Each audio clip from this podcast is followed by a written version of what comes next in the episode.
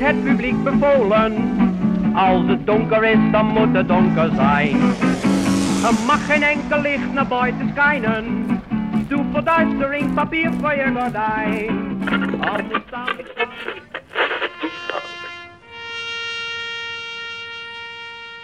Bezet. Audiomonumenten van de stad Amsterdam.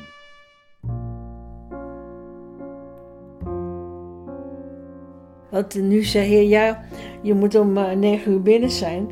Maar in de oorlog moest je om zeven uur al binnen zijn.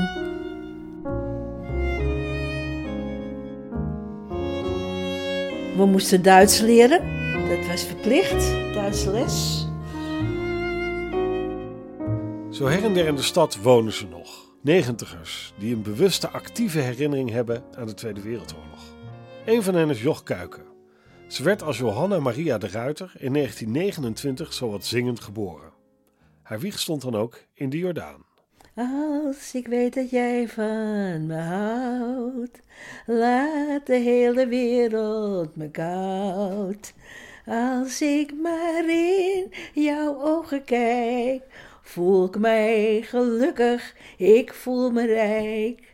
Het gezin de Ruiter woonde met z'n vieren op een halve etage aan de Marnixstraat. We woonden dus op een halve woning. Er was een ko- een keuken, een kamer en een alkoof. En die alkoof, die dan woonde eh, sliepen mijn ouders aan de ene kant in een tweepersoonsbed. En wij sliepen aan de andere kant met een tweepersoonsbed. Mijn zuster en ik. En we hadden geen toilet. Op de gang hadden we een, eh, een houten ton, houten plank met een deksel erop. En daar moesten wij onze behoefte op doen. Want een closet hadden we niet. En een douche hadden we ook niet. We gingen in de wastobbe. En toen gingen we verhuizen naar de Vagelstraat. En toen kregen we een wc dat je door kon trekken. Nou, dat was grandioos. Vonden we fantastisch. Dus u heeft daar toen u verhuisde, heeft u een hele dag de wc staan doortrekken van plezier? Ja, we dachten, we gingen heel vaak eh, even kijken of hij... Hij doet het. Ja, hij doet het nog. ja. Maar ook geen douche of niks nog hoor. Dat bestond toen nog niet. Ging u het badhuis douchen? Dan met school gingen we naar badhuis, ja. Eén keer in de week. Op de Frederik Hendrikstraat had je een eh, badhuis. De vader van Joch verdiende de kost als emballeur, een mooi woord voor inpakker. En hij was goed in zijn vak, verzekert Joch me. Hij kon namelijk zo goed glazen inpakken dat zij er als kind overheen kon lopen, zonder dat er iets kapot ging. Breed had het gezin het niet, want ze moesten regelmatig een beroep doen op de steun. Maar aan de vooravond van de Tweede Wereldoorlog kreeg de familie het iets beter. Ze verhuisden naar een grotere woning aan de Vagelstraat 21 Driehoog. En vader Jan ging op zoek naar nieuw werk. Toen ging ik solliciteren bij een eh, bedrijf. Het was een knopenfirma. Die, dat heette de KH. En daar is hij eh, begonnen, ook als inpakken. Maar hij was ook conciërge daar. En dan ging, moest hij eh, zorgen dat de kachels brandden. Voordat die mensen kwamen die op kantoor daar werkten. En verder inpakken. En wij hebben thuis, hebben wij nog knopen op kaarten genaaid konden we, verdienen we wat geld mee. Dan kreeg je een, een pak eh, knopen en dan kreeg je ka- kaarten erbij, garen en zo. En dan moest je die op een kaart naaien. Dan werkt ze als kind gewoon mee. Ja, ja, s'avonds. Oh, dat was toch leuk. Radio aan. En eh, lekker eh aan tafel met z'n allen, met z'n vieren. Knoopjes aan naaien. Grote knoopjes, kleine knoopjes. Ik heb nog zo'n grote doos met allemaal knopen. Die heb ik nog hier staan. Met eh, allerlei soorten knopen die allemaal overbleven. Dat knoopjesnaaien deed de familie de Ruiter voor de KH, een knopenfabriek aan de Herengracht 20. Het was een Joodse firma. En het waren Joodse mensen, een Joodse reiziger, en een Joods meisje, die verfde daar knopen, want er werden ook knopen geverfd. En toen brak de oorlog uit, ja. Veel meer dan dit weet Joch niet over de KH. Ons onderzoek liep ook een beetje vast. Het enige wat we eraan toe kunnen voegen is dat het bedrijf al enige tijd aan de Herengracht zat toen de oorlog begon. Ze hielden zich bezig met het vervaardigen van knopen en gespen, maar ook met de export daarvan. Dat blijkt uit de grote regelmaat waarmee er advertenties in de krant staan, waarin de KH personeel zoekt dat zijn talen beheerst. Inmiddels zijn wij de familie waarschijnlijk op het spoor en wij hopen 4 mei iets meer over hen te kunnen vertellen.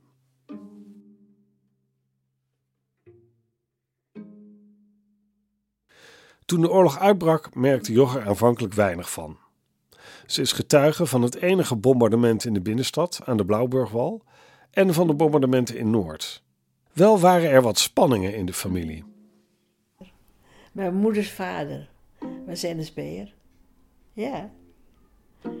En hij heeft voor ze gewerkt ook. In Frankrijk heb je uh, nog bunkers of zo. Want hij was door. En uh, hij heeft daar ook nog voor gewerkt in Frankrijk. En mijn grootvader was een hartstikke leuke vent. Maar hij was in de NSB'er, maar hij heeft nooit, nooit, nooit wat... Ja, anders had hij... Uh, had mijn ouders nooit meer met hem omgegaan. Maar het was een hele leuke opa. Ja. ja maar hoe was hij bij die NSB terechtgekomen? Hij vond het zo, ja, hij vond ze wel goed hoor. Net zoals ze nou Harry Baudet hebben, die ze zo goed vinden. Terwijl mijn ouders rood waren. Dat leidde niet tot spanning? Nee hoor. Nee, wel, ze hebben wel ruzie gemaakt. Mijn ouders, ja, dat wel. Ze had mijn moeder wel gezegd, dat, ik snap het niet dat hij dat doet. Ja, maar, zei mijn moeder, op tegen mijn moeder. Ja, maar Marie, ze hebben van die mooie pakjes aan. Nou, dat was het. ze hebben van die mooie pakjes aan. Voor de rest was Joch zelf vooral adolescent. Je kon nergens naartoe. Dus ja, er waren leuke mensen in de straat, leuke meisjes en jongens. Dus daar hadden we een groepje. En dan speelden we met elkaar. En ik had een leuk vriendje. En uh, wij hadden, ons huis had een trapgevel. En daarachter was een plat dak. Dus wij klommen vanuit het zolderraam op de trap van die gevel. En dan gingen we daar op het, op het uh, er was grind op. Lagen we lekker op het grind, lagen we met z'n tweetjes lekker plaatjes draaien. Ik kan me nog goed herinneren. Wisten ze dat wunderzeer is. Ja, ja, ja, het is zo zwaar. En dan draaiden we dan. En dan lagen we lekker te knuffelen. Was ik kijken, 17. Ja. Dat is het enige wat we hadden eigenlijk. Een bioscoopje had je niet meer, of ja, niks. Eten had je niet. Wij wel hoor, we hadden wel eten. Ik heb geen honger geleden. Maar je zag wel mensen vreselijk, echt vreselijk. De hormonen gierden door Amsterdam-West en sommige meisjes vielen voor de charmes van een van de vele jonge Duitse mannen die er toen in de stad waren. Mijn vriendinnetje had een verkering met een Duitse soldaat. Maar hij was ook verloofd en die uh, hebben ze kaal geschoren. Terwijl het echt, uh, nou, het was echt, uh, ja. Kan je daar nou door als je verliefd wordt? Ja. ja. Ja, want hoe werd daar in de oorlog dan naar gekeken? Nou, dat, is, dat mag helemaal niet. Dan ben je toch een verraadster. Gaat dan niet met een Duitse soldaat? Ik zou het niet doen, dus. Nou, ik had al een vriendje, dus uh, ik hoefde niet een Duitse soldaat. Maar nee, ik zou het ook niet gedaan hebben. De vader van Joch kreeg ondertussen een hele andere verantwoordelijkheid voor zijn baas. Want mijn ouders die hebben eten gebracht naar de Joden die ondergedoken zaten.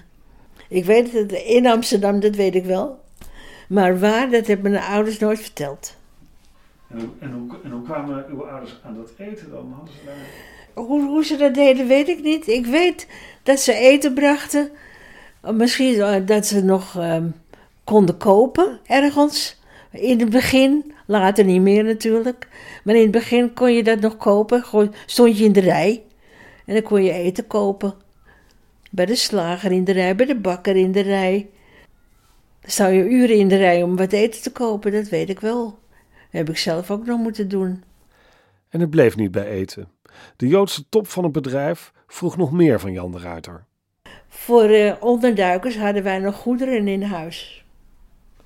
We hadden op een gegeven moment hadden we vier of vijf tapijten, Persische tapijten in onze kamer leggen. Nou, beeldjes en uh, wat hadden we? Ja, het lag allemaal opgeborgen bij, me, bij ons thuis. verscholen ergens zo tussen, tussen het plafond en dat kan ik ook nog herinneren. Eh, Koffertjes met troep, allemaal tussen het plafond hadden ze dat verstopt. En dan zeiden ze, ja, want mijn vader heette meneer Jan. Meneer Jan, we hebben wel eh een centuur nodig, een riempje. En ik wil eh, nog... En het was niet één keer, maar het, werd te gevaarlijk. Ze wilden dus wat hebben. En mijn moeder zegt, inpak alles. En wegwezen met die rotzooi. Dus alles hebben ze teruggegeven. Wegwezen. Behalve spullen opslaan en eten rondbrengen naar onderduikers, brachten de ouders van Joch ook verzetskrantjes rond. Verder ging het hen in de oorlog eigenlijk vrij goed.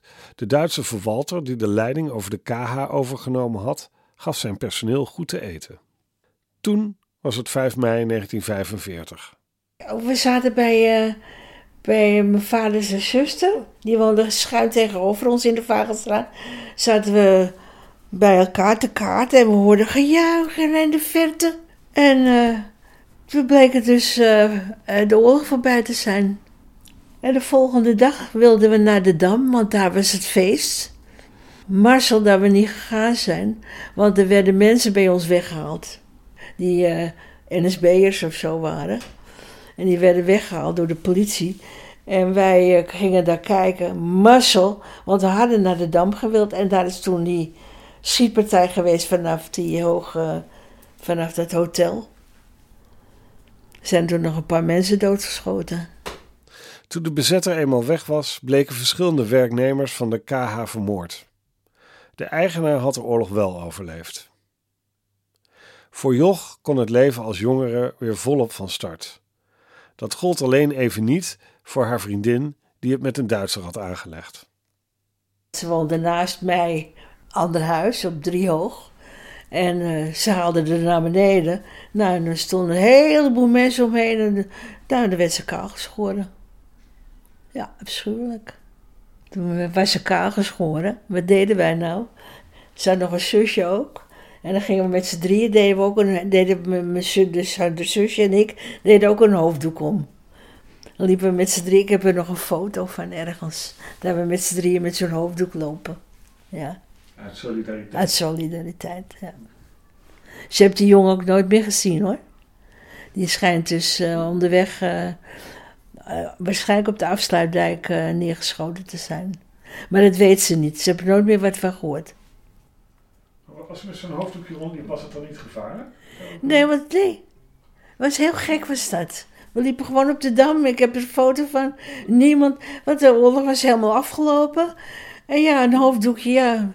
Dat was toen schijnbaar ineens in de mode of zo. Wij liepen met. Zij moesten die hoofddoek omdat ze kaal was. En omdat zij dat deed, deed ik het ook.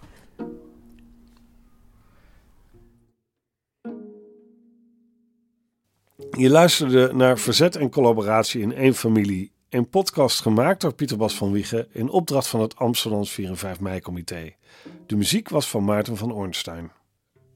We zijn nog volop bezig met dit verhaal en proberen de Joodse kant ook nog te belichten. Hopelijk lukt dat op 4 mei.